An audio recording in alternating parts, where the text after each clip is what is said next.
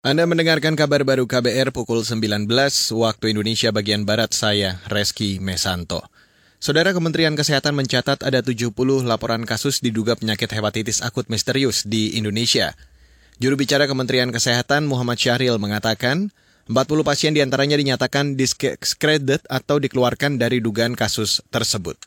Ini ada sebaran provinsinya, ada 21 provinsi ya. Nah, yang sekali lagi yang terbanyak di Jakarta, di sebaran 21 provinsi ini ada yang probable, ada yang pending, dan juga ada yang sudah diskredit.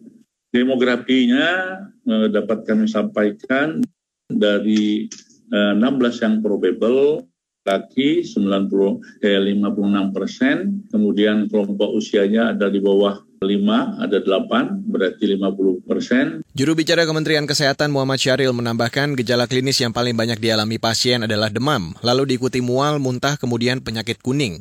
Menurut Syahril, gejala-gejala itu berbeda dengan gejala yang ditujukan pasien terduga hepatitis misterius di Inggris. Beralih ke berita selanjutnya, Saudara. LSM HAM Kontras mencatat polisi masih menempati posisi paling tinggi sebagai aktor kekerasan dan penyiksaan terhadap masyarakat. Catatan itu disampaikan aktivis kontras Rosie Brilian dalam peringatan Hari Dukungan bagi Korban Penyiksaan Sedunia 2022. Kami mencatat ada 31 kasus uh, polisi sebagai juara bertahan dari uh, tahun terakhir. Aktivis kontras Rosie Brilian menyebut puluhan kasus penyiksaan itu menyebabkan sekitar 13 orang tewas, 90 lebih lainnya terluka. Dari kasus-kasus tersebut, mayoritas terjadi pada tingkat Polres, disusul Polsek dan Polda. Menurutnya, tingginya kasus penyiksaan dan kekerasan di tingkat kabupaten kota menunjukkan buruknya pengawasan.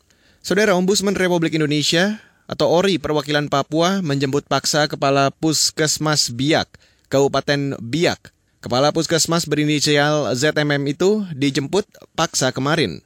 Kepala ORI perwakilan Papua Sabar Iwanggin mengatakan ZMM sudah mangkir dari tiga panggilan.